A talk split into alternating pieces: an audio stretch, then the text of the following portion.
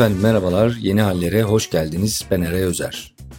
Bugün sizlerle bir sanatçı hakkında, gizemli sanatçı Banksy hakkında konuşmak istiyorum. Fakat Banksy'ye geçmeden önce birkaç küçük duyurum var. İzninizle önce onu yapayım. Duyurularım şunlar. Patreon hesabımızı biliyorsunuz. patreon.com slash yeni haller. Yeni hallerin devam etmesi için siz de bir destek vermek isterseniz Ayrıca Patreon'a özel çektiğim bölümler var. Bunları dinlemek isterseniz patreon.com slash yeni haller hesabından yeni hallere hem destek olabilir hem de bu farklı içerikleri dinleyebilirsiniz. İkinci duyurum bir de Buy Me a Coffee yani bana bir kahve al. Böyle vurgusunu da şey gibi yaptım İngilizcesi gibi. Bana bir kahve al demiyor da insan çevirirken İngilizce vurguluyor gibi oluyor. Buy Me a Coffee bana bir kahve al. .com yani buymeacoffee.com slash yeni haller diye bir adres daha açtım. Burası arayüzü itibariyle kullanmak açısından daha kolay daha doğrusu böyle olduğuna dair bir takım mesajlar geldi. Yani bir de Buy Me a Coffee hesabınız olsa keşke dediler birkaç dinleyici. Ben de bunun üzerine bu hesabı da aktif hale getirdim. Buradan da aynı şekilde yeni hallere destek olabilirsiniz. Şimdiden teşekkür ediyorum. Sosyal medya ile ilgili de duyurumu yapayım. Instagram'da takip edenlerin bir kısmı biliyor. Bölümlerle ilgili bir takım görselleri paylaşıyorum. Bu görsellere geçmişe dönük olarak benim profil sayfamdaki o kalıcılar kısmında yuvarlak yuvarlak oluyor ya. Orada görebilir ve oradan ulaşabilirsiniz. Ayrıca haftada bir gün pazartesi günleri T24'te yazılarım çıkıyor. Pazardı pazartesi aldık. O yazıların linkleri de orada var. Yine geriye dönük olarak o linklerden o yazılara da erişebilirsiniz. Olur da okumak isteyenleriniz olur diye söylüyorum.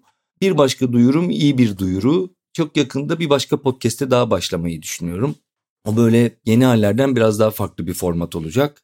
Daha böyle relax bir format olacak. Burada sizlere böyle bilgi vereyim diye birazcık telaşlanıp çok fazla yoruma mahal bırakmadan, hikayelere mahal bırakmadan biraz fazla bilgiye yükleniyorum gibi oluyor. Oradaysa böyle biraz daha rahat konuşacağımız, kendi hikayelerimi paylaşacağım bir formatta podcast serisi olacak. Bunun da ne zaman nerede yayınlanacağını yine bu mecradan sizlere duyururum. Hep beraber haberdar oluruz bu konudan. Şu anda tarih çok belli değil ama yeni yılın başlarında yayına girmesini istiyorum. Neyse bunları duyurduktan sonra gelelim konumuza. Niye Banksy'yi anlatmak istedim? Şunun için öncelikle güncel bir yanı var. Geçen hafta içerisinde yanlış hatırlamıyorsam cuma günüydü. Banksy İngiltere'de bir aradan sonra yeniden ortaya çıktı. Bir stop dur levhasının üzerine uçağa benzeyen ama drone aslında onlar. Üç tane drone'un olduğu bir işle ortaya çıktı. Bir eserle diyelim. Tabii ki stop levhasının önünde olduğumda hemen herkesin aklına bunun İsrail'e yönelik bir protesto olup olmayacağı geldi. Gerçekten de öyleymiş. İsrail'e yönelik bir tepki yani İsrail'deki Filistin bombalanmasını durdurun diyor Banksy bu işiyle. Fakat şöyle oldu eser iş neyse sanatçılar iş demekten hoşlanıyorlar bildiğim kadarıyla. Eser deyince de böyle birazcık ne yapmış oluyoruz bilmiyorum böyle bir yüceltmiş mi oluyoruz aslında olmuyoruz eser o. Yani sanatçılar niye bundan hoşlanmıyor biz eser demeye razıyız da onu bilmiyorum iş diyorlar. Neyse bu iş bir saatten daha az süre asılı kalabildi. İnsanlar tabii ki hemen anlıyorlar artık İngiltere'de Londra'da böyle bir şey yaşandığını. Ha diyorlar Banksy geldi ve hemen etrafı insanlarla doluyor. Herkes çekiyor işte sosyal medyada paylaşıyor. Çünkü Banksy çok ünlü birazdan anlatacağım. Çoğunuz zaten epey bir bilgi sahibisinizdir diye tahmin ediyorum. Bir saatten az orada kalabildi çünkü çaldılar. İki tane hırsız geldi tabelayı söktü. Ben bunu sosyal medyada paylaştım görüntülerini ve kayboldu. Tabii ki o kadar çok kişi görüntülüyordu ki ortaya çıktı kim oldukları ve hızlıca önce birisi daha sonra da diğer kişi gözaltına alındı ve tutuklandı. Fakat tabii iş kurtarıldı mı onu bilmiyorum. Ona baktım bu bölümü çekmeden önce hala netleşmiş bir şey yoktu. Belki bilerek açıklamıyorlar. Çünkü Banksy'nin işleri için şöyle bir sorun var. Banksy'nin işleri bugün artık sanat piyasasında çok ciddi değerlere karşılık buluyor. Mesela o astığı işte levha diyelim yaptığı levha ürettiği iş için 250 bin pound falan gibi böyle bir rakam öngörülüyor. O zaten çalınma sebebi de o. Dolayısıyla aslında adam adam olduğunu tahmin ediyoruz. Tahminden daha öte şeyler de biliyoruz anlatacağım. onu oraya koyduğu andan itibaren onun bir şekilde korumaya alınması gerekiyor. Yani öyle ki duvarıyla birlikte sökülüp götürülen işleri var Banksy'nin. Bu kadar etkili bir figür ve en yüksek eserinin satış değeri 25 milyon doların üstüne çıktı. Onu da birazdan anlatacağım efendim. Şimdi Banksy kim dediğimizde tahmin ettiğiniz gibi Banksy aslında kimliğini saklı tutmak isteyen, bunu bilerek yapan, hatta şeye benzettim ben onu. Chiapas'ta, Meksika'da Chiapas yerlilerinin haklarını savunan Subkomandante Marcos vardı. Banksy'nin bir açıklaması bu Subkomandante Marcos'un açıklamalarına benziyor. Diyor ki insanların duymasını istediğiniz bir şey söylediğinizde söylediğinizin daha fazla duyulabilmesi için bazen bir maske takmak zorunda kalırsınız diyor. Marcos da, Subkomandante Marcos da benzer bir şekilde ben maskeyi taktığımda görünür hale geldim demişti. Sonra Subkomandante adını bıraktı ve işte sıfır numaralı komutan yani birinci komutan değil de birin altına inen komutan gibi bir isim aldı ve uzun bir süredir Meksika hükümetiyle aralarında bir takım anlaşmalara varmalarından ötürü EZLN diye bir grup var. Oradaki silahlı mücadelesine devam etmiyor bildiğim kadarıyla. Yani görevini başkalarına devretmiş durumda. O da benzer bir şekilde Banksy gibi demişti ki ne zaman ki görünmek istedim o zaman yüzümü kapattım ve görünür hale geldim. Banksy için de benzer bir şey geçerli. Grafiti dediğimiz sanat türünde buna sıkça rastlayabiliyorsunuz. Bir kere her şeyden önce grafiti sanatçısının güvenliği için bu yapılıyor. Çünkü yapılan eylem çoğu biçimde aslında devletle karşı karşıya dolayısıyla polis gücüyle karşı karşıya gelmek anlamına geliyor. Bu yüzden de bu işleri gizli yapmak gerekiyor. Grafiti sanatçıları da, sokak sanatçıları da, street art deniyor buna. Bu işi gizli yapmayı tercih ediyorlar çoğu defa. Ama yani çok ünlü ve kim olduğu bilinen grafiti sanatçıları da var tabii ki. Fakat Banksy bunu özellikle yapıyor. 70'lerin başında İngiltere'nin Bristol kentinde doğmuş Banksy. Doğduğunu tahmin ediyoruz diye anlatayım. Aslında şöyle, İngiltere'nin tabloid gazetelerinden Mail on Sunday bir takım ipuçlarına dayanarak Banksy'nin kim olduğuna dair bir haber yayınlıyor. Ve büyük ihtimalle de ben haberi okudum bu doğru. Fakat ben de bunu burada anlatmayı yani aslında şuymuş demeyi doğru bulmuyorum. Çünkü adamın bir iddiası var. Diyor ki ben görünmek istemiyorum.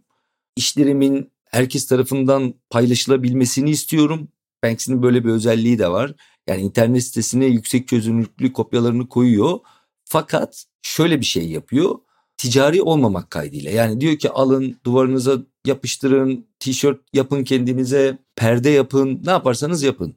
Ama ve lakin ticari olduğunda yeni bir sistem kurmuş pest kontrol diye. Yani bir ajans aslında o ki daha sonrasında satacağı işler de olacak. Çünkü daha büyük projeler yapıyor. İşte projeler büyüdükçe para ihtiyacı, bir ekip çalıştırma ihtiyacı ortaya çıkıyor vesaire. Pest kontrol diye bir ajans kurmuş. Siz bugün bir işi almaya kalktığınızda bir çalışmayı, bir eseri bunun Banksy olup olmadığını bu pest kontrolden onaylatabiliyorsunuz. Otantik mi diye bir size onay geliyor. Evet bu Banksy işidir alınabilir ya da değildir replikadır şudur budur diye böyle bir sistem kurmuş. Yaptığı işler çok değerli hale gelince sanat piyasasında. Fakat her türlü bu piyasaya karşı olduğunu söylüyor. Tabii ki işleri bu değere ulaştığından dolayı aslında onu da kapitalizmin bir tür uşağı, kapitalizme hizmet eden bir adam bu da bakma en sonunda işlerini satmaya başladı. Bu da onlardan oldu diye eleştirilere de muhatap oluyor. Ama Banksy'nin durduğu yeri şöyle anlamak lazım. Yani burada Banksy'yi savunmak için söylemiyorum. Belki de insan yaşlandıkça böyle hissediyor. Eskiden olsa daha tepkili olabilirdim bu tür yaklaşımlara ama Banksy netice itibariyle bunu sanat için yaptığını iddia ederken aslında bununla çelişen bir şey yapmadı. Banksy yaptığı işlerin popüler hale getirilmesinde kendi yaratıcılığı dışında bir şeyi kullanmadı bildiğim kadarıyla. Bir noktada onun da aslında bu suçu değil. Kaldı ki bir şeyin çok değerli hale gelmesine karşı da karşıt görüşü yani buna karşı çıkan görüşleri de aslında ifade özgürlüğü kapsamında değerlendirebiliyorsan ki Banksy gördüğüm kadarıyla bunu yapıyor. Yani kendisine bu yönde yönelik eleştirilere böyle bir sanatçı kaprisiyle siz kimsiniz beni eleştiriyorsunuz gibi tepeden bir yerden yaklaşmıyorsan bu da olabilir. Mültecileri kurtarmak için bir bot alıyor filan. Böyle şeyleri var bu arada. Yaptığı bazı işler var New York'ta bir serginin içerisine devasa bir fili sokuyor. Ve fili aslında çocukların kullandığı boyalarla filin bulunduğu oda orası bir odaya dönüştürülmüş. O odanın renklerine boyuyor. Yani öyle bir şey ki duvarın rengiyle filin rengi aynı oluyor. Boyanın kesinlikle hayvanlara zarar verici olmadığını açıklıyor. Buna rağmen işte o sırada o iş yüzünden aldığı eleştiriler var. Bu arada böyle açılışına falan Brad Pitt geliyor falan, Jude Law var falan. Baya bir ses getiriyor. Gerçek bir fil yani canlı bir fil boyanmış kırmızı üzerinde de böyle altın varaklar var. Duvar kağıdı renginde dolayısıyla filin odada olduğunu sizin fark etmemeniz teması. Yani odada bir fil var yani dünyada problem var milyarlarca insan açlık sınırında yaşıyor diye daha sonra bir açıklama yapıyor bu konsepti anlatmak için. Odada bir fil var ve siz bunun farkında değilsiniz anlamını taşıyor yapılan çalışma. Fakat hayvanseverler onu şey diye eleştiriyorlar. Hayvana boya sürdün, rızası dışında getirdin vesaire vesaire ki bu da yapılabilir bir eleştiri. Bence her birinin bir karşılığı var. Yani şöyle bir huyumuz var aslında hayatta. Bırakalım insanlar birbirlerinden farklı düşünsünler. Bu bir bırakalım tartışmaya dönüşebilsin.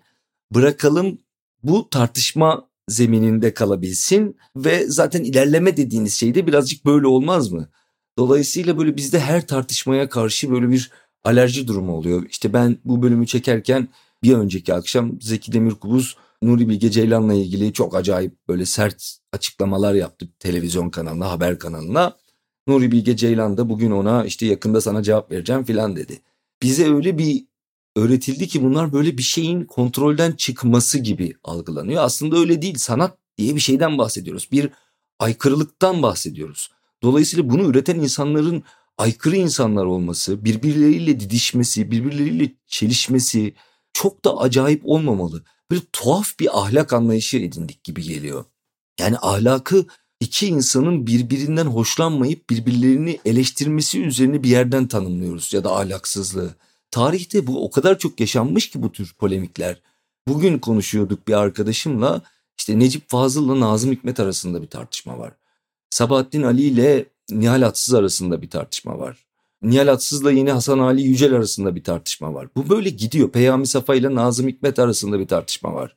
Yani polemik sanat dünyasına dair bir şeydir. Çok anlaşılabilir. Bunlar çok normal insanlar olsa zaten bu işleri yapmazlar. Mesela şeyde de eleştirildi. 200 fareyi bir sanat galerisinin açılışına saldı bir defasında.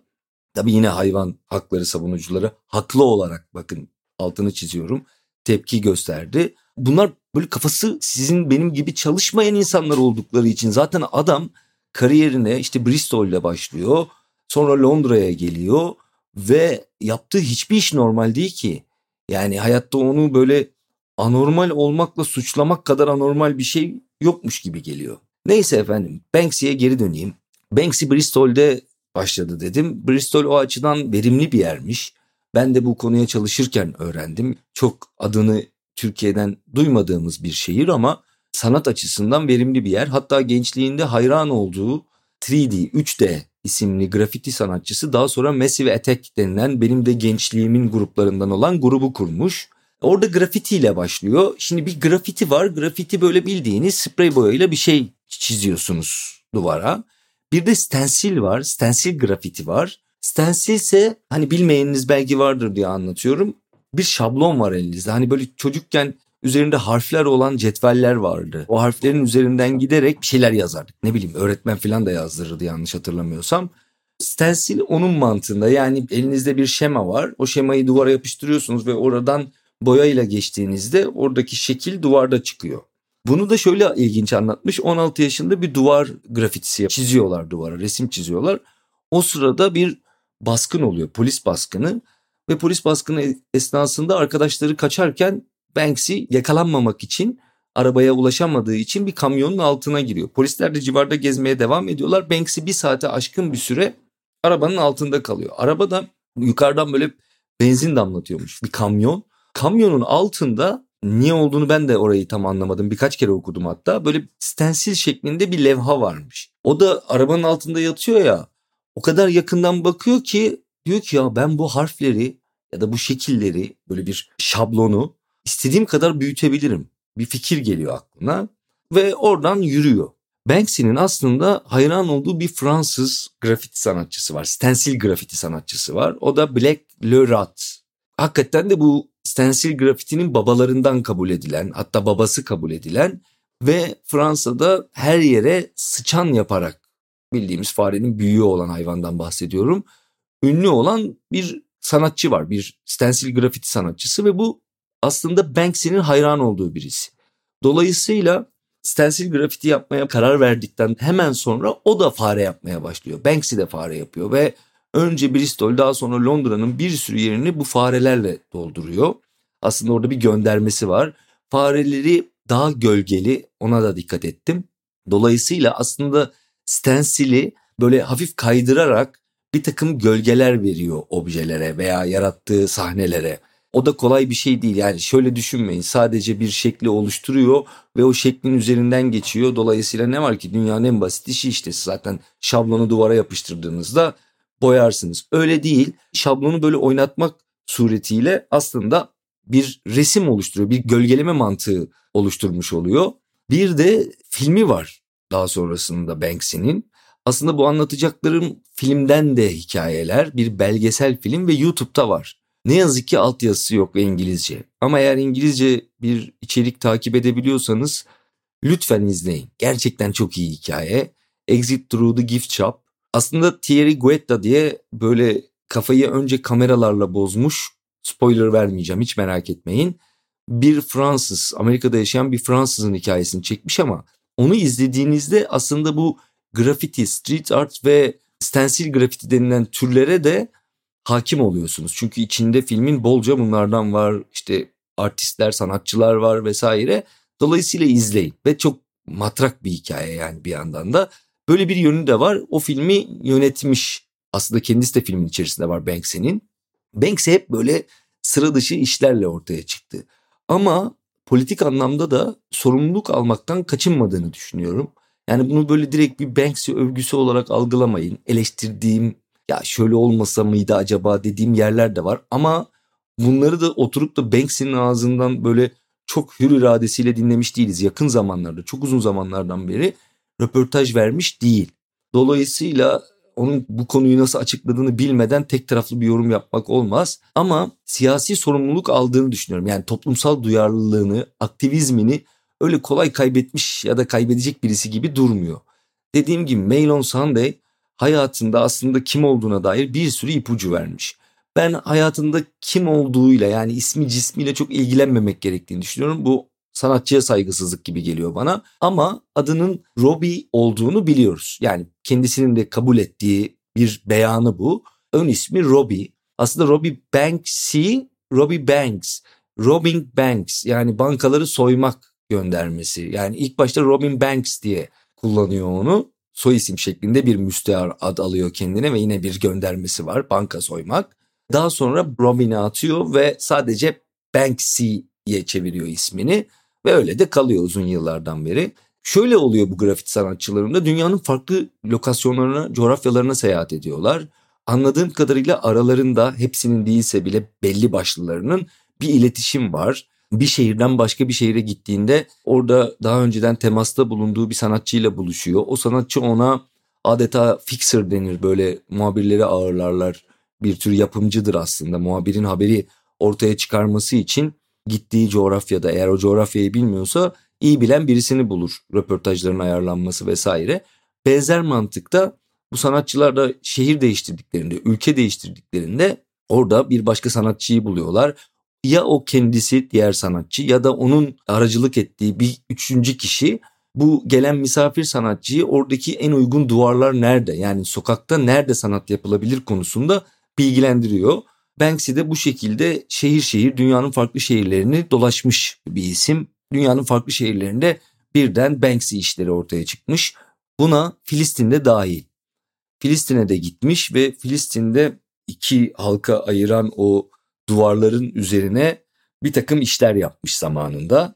O anlamda söyledim. Bir sürü sanatçıyı Filistin'le dayanışma içerisinde bulabilirsiniz ama oradaki o risk algısını da yöneterek çünkü grafiti yapmak zaten başlı başına bir risk. Yani sokağa çıktığınız andan itibaren dünyanın en demokratik toplumunda bile olsanız polis buna müdahale edebiliyor. Bu bir vandalizm yani devlet malına zarar verme suçu olarak kabul ediliyor. Günümüzde biraz daha yumuşamış durumda aslında şöyle olmuş durumda diyebiliriz. Kapitalizm birazcık bunu böyle kendi metasına dönüştürmüş durumda ne yazık ki. Banksy örneğinde de gördüğümüz gibi hani o alt kültürü bir üst kültüre çevirmiş durumda. Bir ana akım kültüre çevirmiş durumda. Hatta işte markalar grafit sanatçılarını kiralıyorlar. Biz yanlış hatırlamıyorsam Coca-Cola'yı konuşurken söylemiştik. Orada böyle bir çalışma yapıldı diye. Hangisi yaptı bilmiyorum. Coca-Cola mı Pepsi mi hatırlamıyorum ama bunlardan bir tanesinin bir çalışması vardı duvar sanatçılarıyla. Bugün Türkiye'de de bu benzeri görülüyor.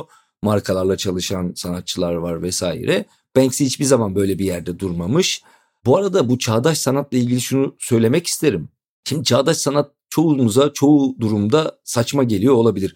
Bir ara hatırlarsınız birkaç yıl önceydi. İşte adamın biri duvara bildiğiniz böyle bir muz yapıştırmış gri bir bantla ve bu bir sanat eseri olarak satılıyor.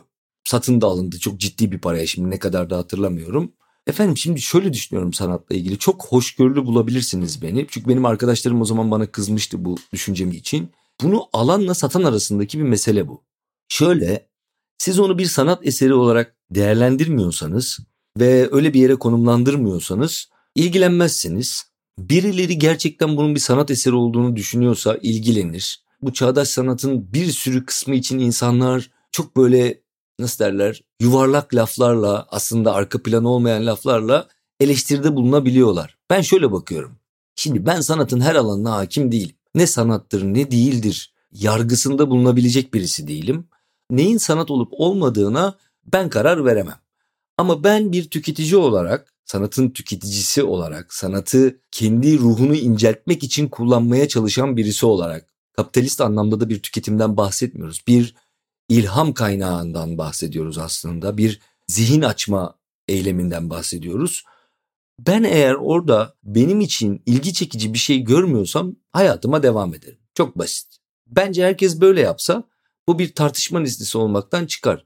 Ha bir takım simsarlarla sanatçı adı verilmiş ama aslında sanatla uzaktan yakından alakası olmayan tiplerle gerçek sanat arasındaki ayrımı da herhalde öyle tahmin ediyorum ki zaman yapar. Bence bu tarihin her döneminde benzer olmuştur. Yani bunun çok böyle farklılık gösterdiğini falan düşünmüyorum. Ez cümle Banksy'nin hayatının farklı yerlerinde farklı farklı işlerle ortaya çıktığını görüyoruz. Örnek vereyim. Disneyland'in içerisine tam da Guantanamo'daki bu 11 Eylül failleri diyeceğim ama hepsi de faili değildi işte. Neyse 11 Eylül sonrası El-Kaide adı altında toplanan esirlerin diyeyim götürüldüğü yerde maruz kaldıkları işkencelere dikkat çekmek için böyle bir şişme bebeğe Guantanamo esir kıyafeti kafasına siyah bir torba geçiriyor ve onu Disneyland'in böyle görüldüğü anda panik yaratacak bir noktasına bırakıyor yine Banksy. Sadece yani böyle duvara iş yapan birisi değil. Ha bu arada kanvas üzerinde yağlı boya çalışmaları da var. Bunlar da el değiştiriyor. Ve gelelim en meşhur eylemine. Bu gerçekten aslında enteresan bir eylem. Oradaki nüansları anlatayım. Banksy'nin balonlu kız diye Türkçe'ye çevirebileceğimiz bir işi var. En meşhur işlerinden bir tanesi elinden balonu kaçmış bir kız çocuğu. Bunun satıldığı bir müzayede var ve orada bir açık arttırmaya gidecek ki işte rekor bir fiyata satılması bekleniyor vesaire. Amerika'da yapılıyor açık arttırma ve açık arttırma salonunda açık arttırma yapıldıktan hemen sonra en yüksek fiyat verilir verilmez yani o müzayedeyi yöneten kişi tokmağı vurduğu andan itibaren birden duvardaki tablonun içerisindeki resim aşağıya doğru hareket etmeye başlıyor. Görmeyenleriniz olmuştur diye detaylı anlatıyorum. Ve anlıyoruz ki çerçevenin alt kısmında da yukarıya doğru sivri kağıt öğütücü kağıdı lime lime edecek dişler var. Kağıt o çok keskin dişlerin içerisinden geçtiğinde aslında sanat eseri kendini imha etmiş oluyor. Nasıl yapıldığını merak ettiyseniz eğer şöyle yapıldığını tahmin ediyorum. İçeride birisi ve bunun Banksy olduğundan şüpheleniliyor. Kendisi gelmiş olabilir. Zaten yüzünü kimse bilmiyor. İşte kendini gizlemiş bir şekilde müzayedeye katılmış ve bir çanta var ve çantanın içerisindeki düzenekle o tablonun içerisindeki düzenek irtibat halinde. Dolayısıyla oradan bu komutu verebildiği tahmin ediliyor. Fakat burada enteresan olan şey şu. Ortada bir yerde duruyor düzenek. Yani resmin yarısı artık lime lime olmuş böyle makarna gibi düşünün spagetti gibi. Geri kalan yarısı ise tuvalin içerisinde kalıyor. Şunu merak ettiğimi düşünüyorum. Yani bunun çok net bir cevabına ben rastlamadım. Siz rastladıysanız bana mail atabilirsiniz. Yeni haller podcast.gmail.com adresinden. Acaba düzenek gerçekten bizzat Banksy tarafından yarıda kalmak için mi öyle ayarlandı? Yoksa orada bir arıza, bir temassızlık olduğu ve ya da Banksy bir an evvel çıkması gerektiği, yakalanma korkusu yaşadığı için sistem yani o aşağıya doğru resmi akıtan sistem irtibat koptuğu için bir yerde tıkandı mı? Çünkü niye böyle söylüyorum? Yarıya kadar gelip yarısı aşağıya doğru sarktığında tabii herkes bu arada müzayede salonunda şok oluyor. Böyle bir anda resme kilitleniyor filan. Anında bir güvenlik geliyor ne yapacaklarını bilmiyorlar falan. Ve hatta şöyle sonra müzayede salonu açıklama yapıyor. İşte açık arttırmamız Banksy'lendi. Banksyed falan gibi bir fiile dönüştürüyor adamın ismini. Ve yarıda durduğu için orada güvenlik geliyor duvardan alıyor bunu ve götürüyor. Fakat ne oluyor tahmin edebileceğiniz gibi o hali bambaşka bir happening'e dönüştüğü için yani Banksy bunu planladı mı planlamadı mı böyle olsun diye mi yaptı yapmadı mı çünkü resim kendisine ait de değil yani oradan muhtemelen alacağı bir kendisinin ekstra bir para da yok benim anladığım kadarıyla. Çünkü başka bir alıcı daha evvel o resmi almış o elden çıkartıyor o sırada. O da bir küsür milyona mı iki küsür milyon dolara mı ne almış o Girl with the Balloon'u. Ondan sonra neyse işte bu yarım kalıyor. Ve tahmin edebileceğiniz gibi tablo o haliyle 25 küsür milyon dolara satılıyor efendim. Çünkü o artık sadece o resmin tablosu olmaktan çıkıyor. O anı da tarif eden bir esere dönüşüyor. Bağlayacak olursak sanat dediğimiz şey aslında hep bir soru işareti. Burada hani bir sanatsal değer var mıdır?